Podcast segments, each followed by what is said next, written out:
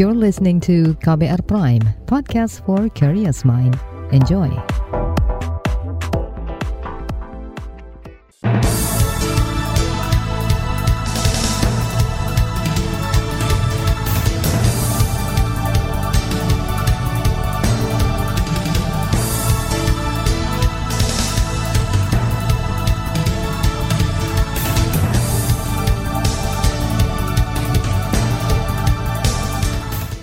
Selamat pagi saudara, senang sekali kami bisa menjumpai Anda kembali melalui program Buletin Pagi KBR edisi Jumat 28 Januari 2022 bersama saya Ardi Rusyadi. Sejumlah informasi pilihan telah kami siapkan, di antaranya varian Omikron meluas, pemerintah daerah didesak waspadai transmisi lokal.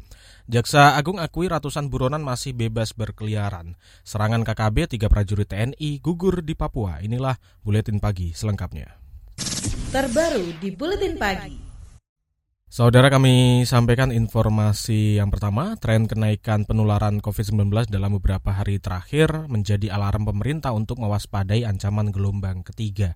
Juru bicara pemerintah penanganan COVID-19, Wiku Adhisa Smito mengatakan kunci dari penanganan laju penularan COVID-19 adalah penerapan protokol kesehatan atau prokes secara disiplin untuk mencegah perluasan transmisi lokal ke wilayah lain penting bagi daerah yang sedang mengalami kenaikan kasus untuk memperketat implementasi protokol kesehatan dan menekan mobilitas ke daerah lain guna mencegah transmisi antar daerah, terutama pada tiga provinsi dengan penyumbang kasus terbanyak yaitu DKI Jakarta, Jawa Barat, dan Banten. Jika kasus pada tiga provinsi ini terkendali, maka daerah lain pun akan bisa terkendali. Kita tetap harus bisa menjaga agar daerah yang kasusnya masih rendah untuk tetap kondusif dan tetap rendah kasusnya.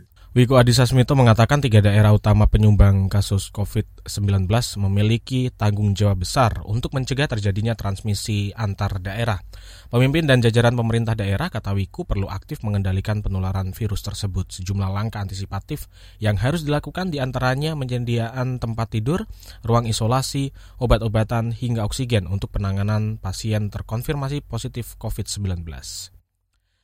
Angka kasus COVID-19 kembali meningkat lebih dari 8.000 kemarin. Lebih dari 50 persen kasus muncul di DKI Jakarta. Dari kasus harian tersebut, angka sebaran varian Omikron mencapai hampir 2.000-an. Data itu juga menunjukkan persebaran Omikron ditemukan di 20 kabupaten kota termasuk di wilayah luar Pulau Jawa. Kementerian Kesehatan Kemenkes mencatat tiga pasien terpapar varian Omikron di Indonesia meninggal. Ketiganya dilaporkan memiliki lebih dari satu jenis penyakit penyerta atau komorbid.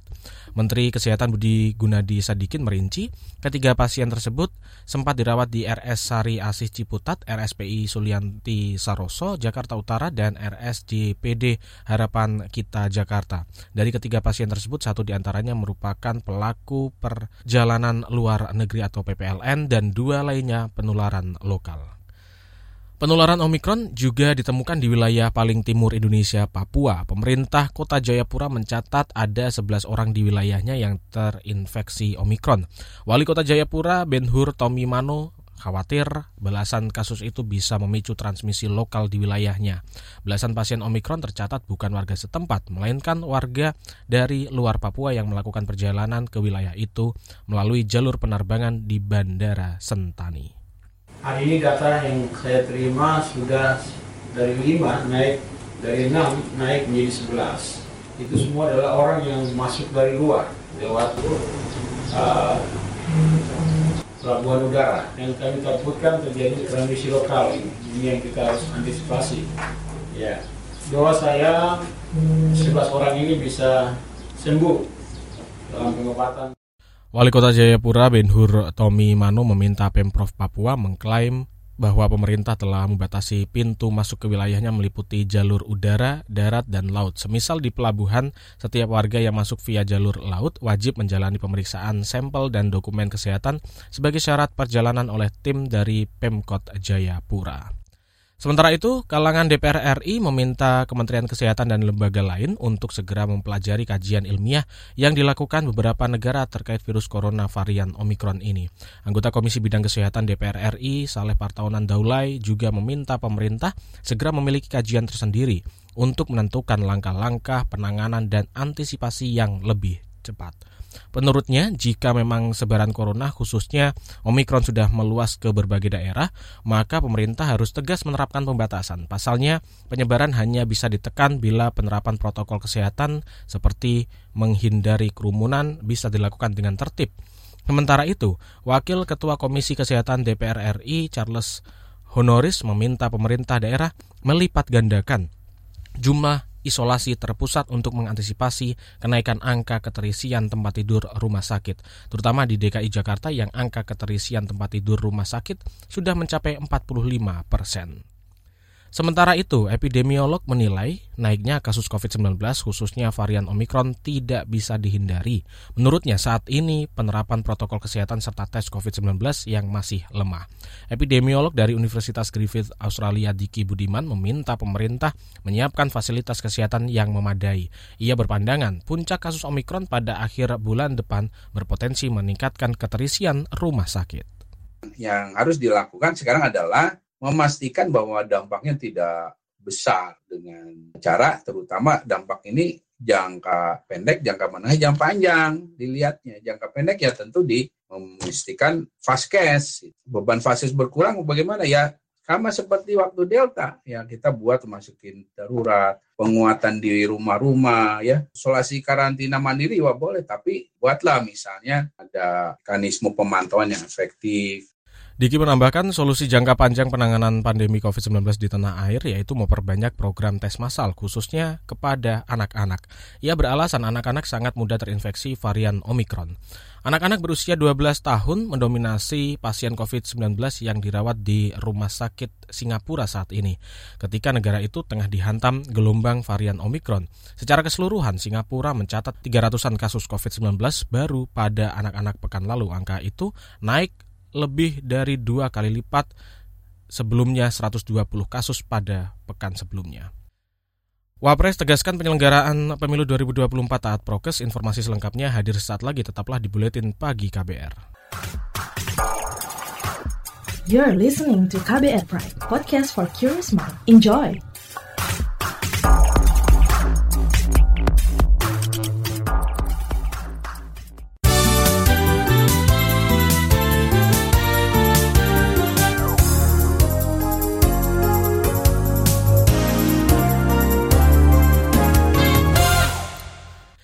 Saudara Kejaksaan Agung mencatat ratusan buronan belum berhasil ditangkap oleh Kejaksaan. Jaksa Agung Sanitiar Burhanuddin menyebut hingga pekan lalu masih ada lebih dari 350 orang yang masuk dalam daftar pencarian orang dan masih bebas berkeliaran.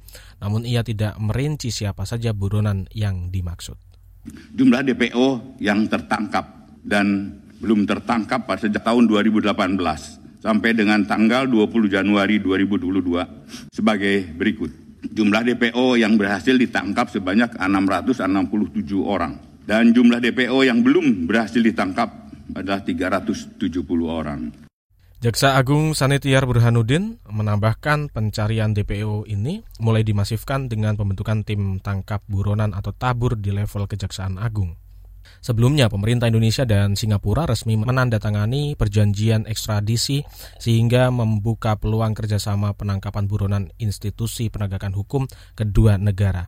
Sebab dalam perjanjian ekstradisi tersebut, setiap buron yang berada di salah satu wilayah negara dapat dicari oleh negara pemohon untuk menjalani masa penuntutan atau persidangan dalam urusan pelaksanaan hukum untuk tindak pidana.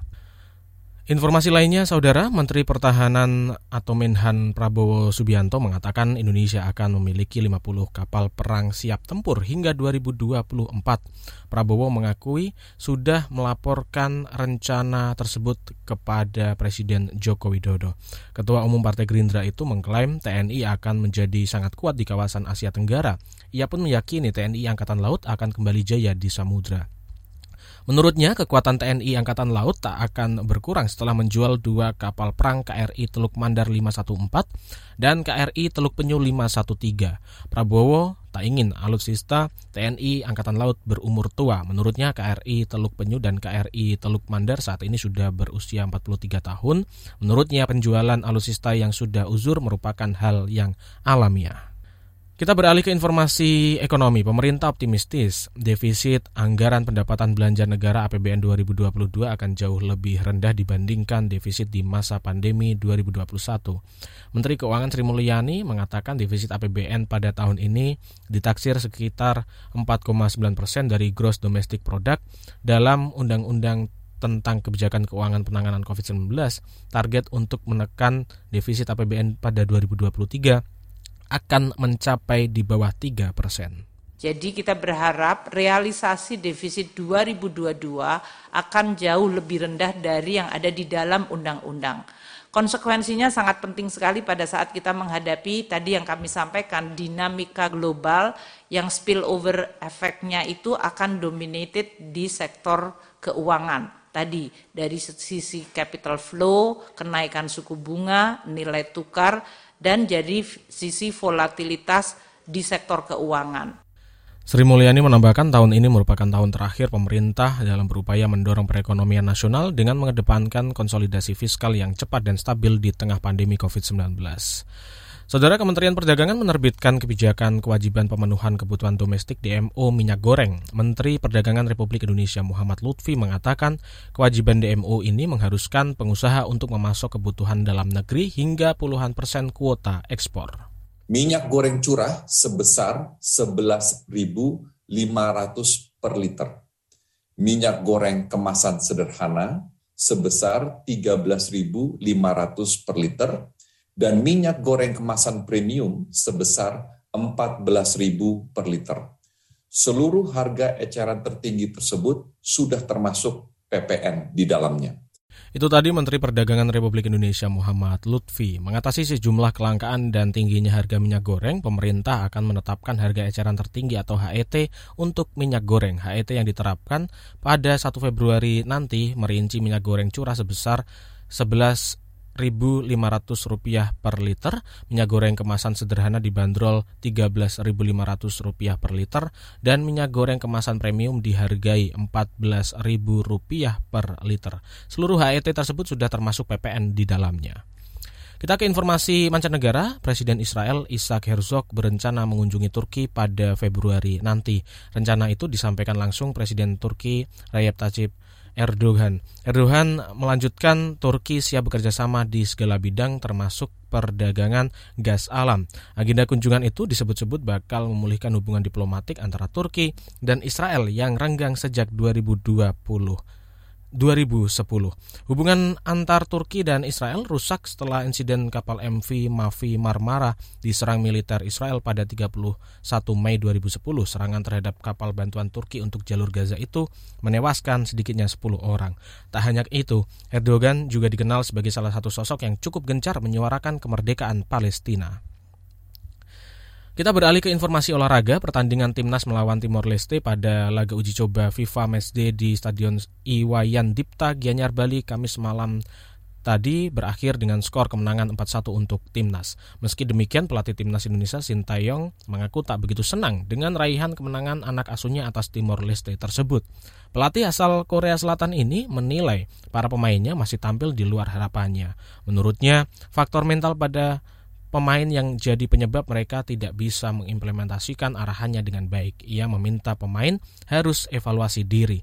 Hal senada juga dikatakan anak Asusin, yakni Pratama Arhan. Meski bersyukur atas kemenangan itu, ia mengakui kemenangan atau permainan tim kurang maksimal. Pasalnya dari empat gol yang telah dicetak ke gawang lawan, dua di antaranya merupakan gol bunuh diri. Sementara itu tim nasional putri Indonesia menelan kekalahan dengan skor 0-6 dari Filipina pada laga grup B Piala Asia 2022. Hasil ini membuat skuad Garuda Pertiwi tersingkir dari turnamen tersebut. Hasil tersebut membuat Indonesia menelan tiga kekalahan dari tiga pertandingan. Sebelumnya Indonesia telah mengalami kekalahan dari Australia dengan skor 18-0.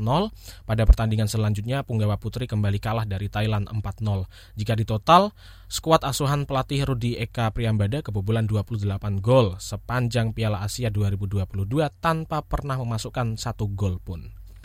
Di bagian berikutnya kami akan hadirkan laporan khas KBR bertajuk polemik minyak goreng satu harga. Nantikan sesaat lagi. You're listening to KBR Pride, podcast for curious mind. Enjoy!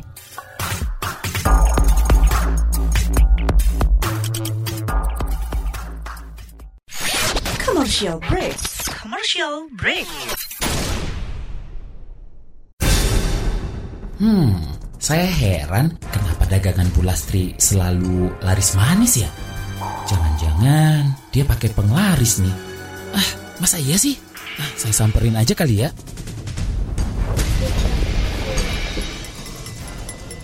Eh, Pak Bayu, gimana Pak? Udah makan siang belum? Iya Bu Lastri, belum nih. Saya lihat dagangan Bu Lastri laris terus. Bu Lastri pakai penglaris ya? Memang betul Pak, saya pakai penglaris. Wah, Bu Lastri, saya dibagi dong penglarisnya. Boleh dong Pak. Nih Pak Bayu, silahkan dipakai maskernya. Hah? Masker? Betul Pak Bayu, masker ini yang membuat dagangan saya laris manis sekarang. Karena pembeli merasa aman beli kue-kue saya.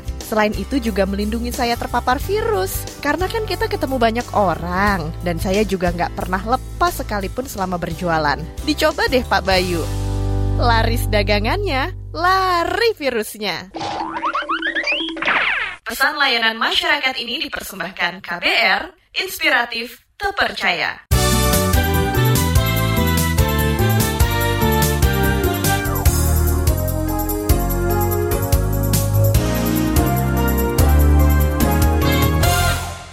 Anda masih bersama kami di Buletin Pagi KBR dan saudara kami sampaikan sebagian besar masyarakat di sejumlah daerah mengeluhkan sulitnya mendapatkan minyak goreng satu harga Rp14.000 per liter.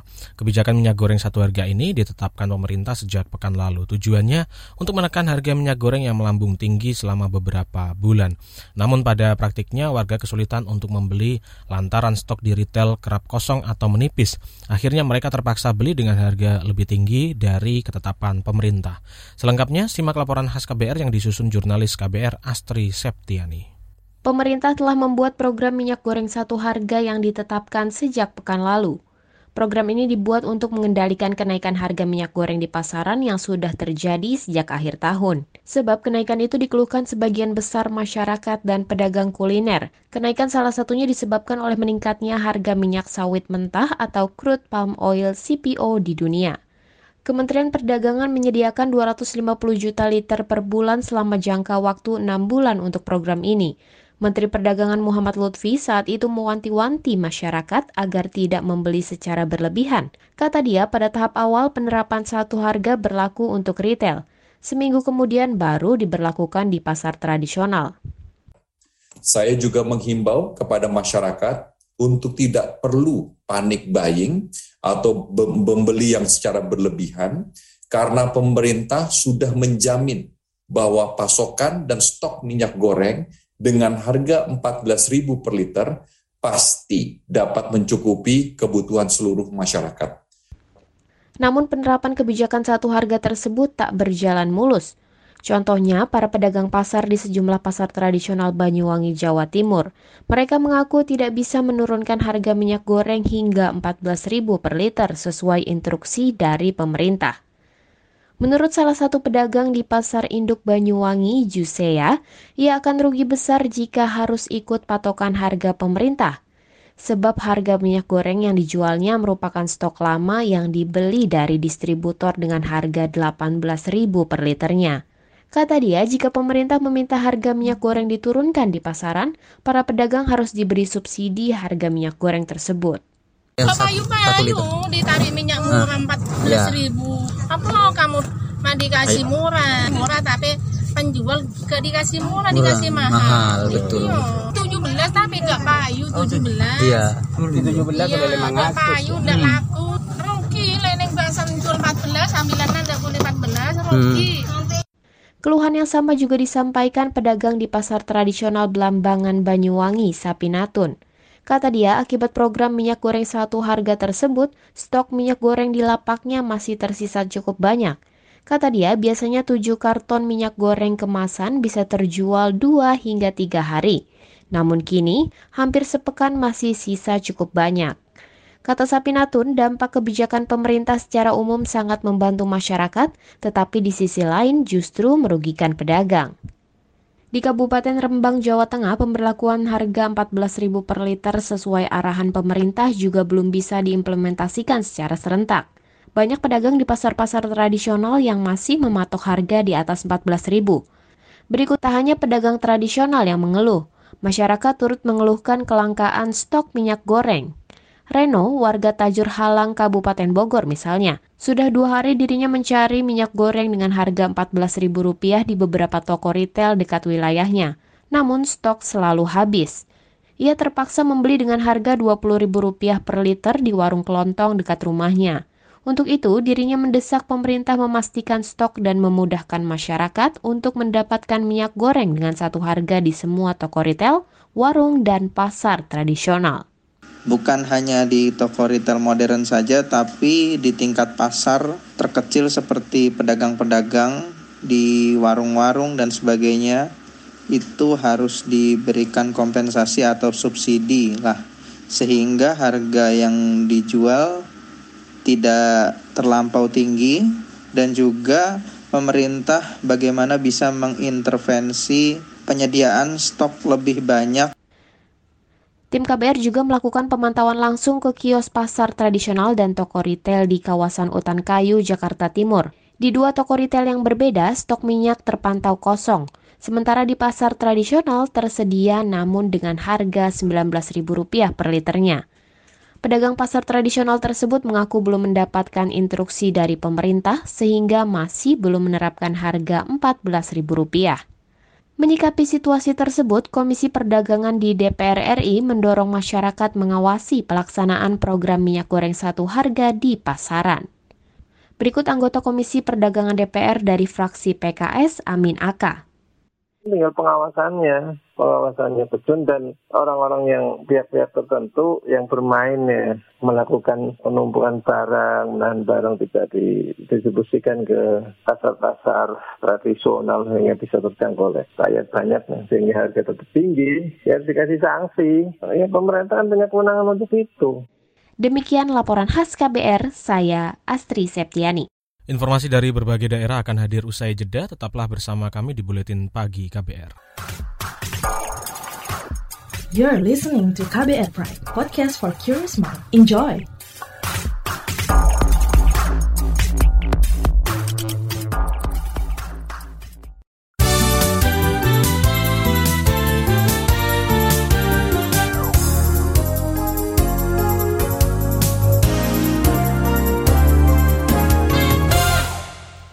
Inilah bagian akhir buletin pagi KBR dan kami informasikan informasi yang pertama dari Papua. Tiga prajurit TNI tewas setelah diserang kelompok bersenjata di Kabupaten Puncak, Papua kemarin. Juru bicara Kodam 17 Cendrawasih, Aksya Erlangga mengatakan kelompok bersenjata itu menyerang pos TNI di Bukit Tepuk, Kampung Jenggornok, Distrik Gome, Kabupaten Puncak, Papua. Penyerangan tersebut menyebabkan dua prajurit TNI meninggal yakni Rizal dan Baraza yang terkena tembakan di bagian perut. Tak berselang lama, pasca penyerangan terjadi kontak senjata antara TNI dan kelompok bersenjata. Dalam baku tembak itu, seorang prajurit TNI bernama Rahman tertembak dan meninggal. Uh, Puskesmas ya. Ini belum ada petunjuk lebih lanjut atau informasi lebih lanjut uh, akan dibawa ke mananya nanti akan kami beritahu kalau sudah ada keterangan. Saya juga belum belum memastikan atau belum pasti. Uh, dari kami juga belum bisa memberikan uh, statement siapa yang melakukan penyerangan.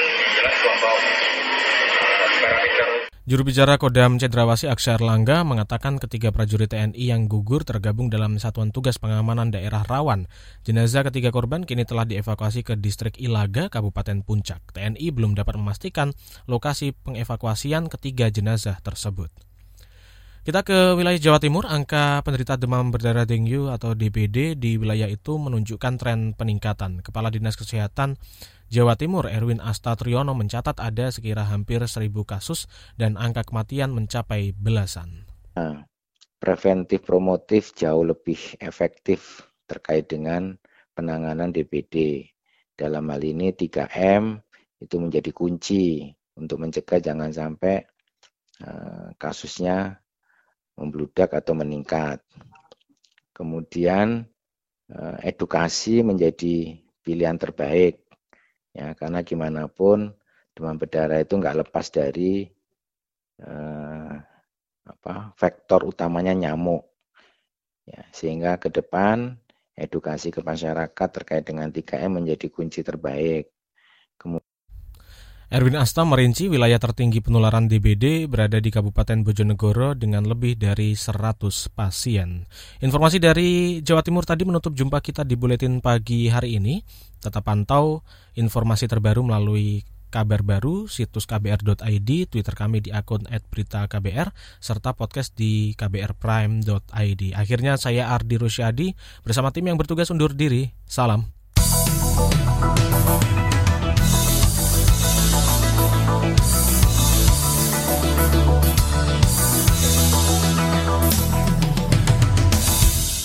KBR Prime, cara asik mendengar berita.